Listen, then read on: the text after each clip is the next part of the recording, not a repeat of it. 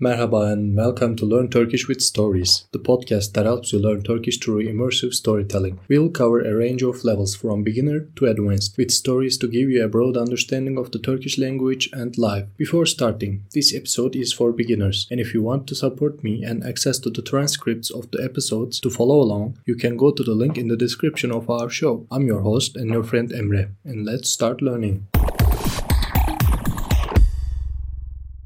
Kümesteki tüm tavuklar onun da yumurtlaması gerektiğini ve eğer yumurtlamazsa sahiplerinin onu satabileceğini söylermiş. Ancak tembel tavuk her ne kadar satılmaktan korksa da tembelliği yüzünden hiçbir şey yapmak istemez, arkadaşlarına da yardım etmez, kümeste oturmaya devam edermiş. Günlerden bir gün tavuklar yavrularını dünyaya getirmek için yumurtlamaya başlamış. Yumurtladıkları bu yumurtaların üzerinde kuluçkaya yatarak ısıları ile yumurta içerisindeki yavrularının büyüyüp daha sonra civciv olarak bu yumurtayı kırarak doğabilmesi için günlerce bu yumurtanın üzerinde oturmaları gerekirmiş. Hal böyle olunca diledikleri gibi çiftlikte gezememeye başlamışlar ve tıpkı tembel tavuk gibi kümeste oturmaya başlamışlar. Bir gün içlerinden birinin aklına çok iyi bir fikir gelmiş. Tembel tavuk tüm gün kümeste yattığı için tavukların yavruları için kuluçkaya yatabileceğini, böylece hem oturmaya devam ederek hem de tavuklara yardım edebileceğini düşünmüş ve bunu hemen diğer tavuklara anlatmış. Hepsi bu fikri çok beğenmiş ve hemen tembel tavuğun yanına gitmişler. İçlerinden biri, "Tavuk kardeş, sen tüm gün bu kümeste yatıyor ve hiç çıkmıyorsun. Biz de yavrularımızın yumurtalarının üzerine yatmak zorunda olduğumuz için dışarıya çıkıp yiyecek toplayamıyoruz. Sen her gün içimizden birinin yumurtalarının üzerine oturur musun? Hem yine hiçbir iş yapmayacaksın.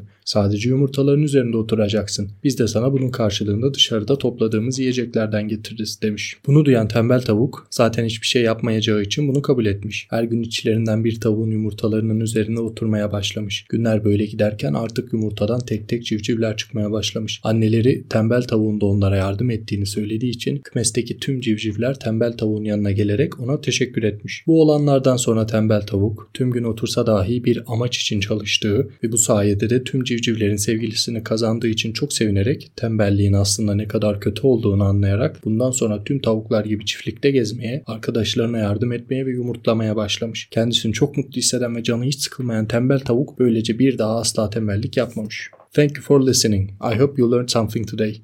Don't forget to follow our stories. Görüşmek üzere.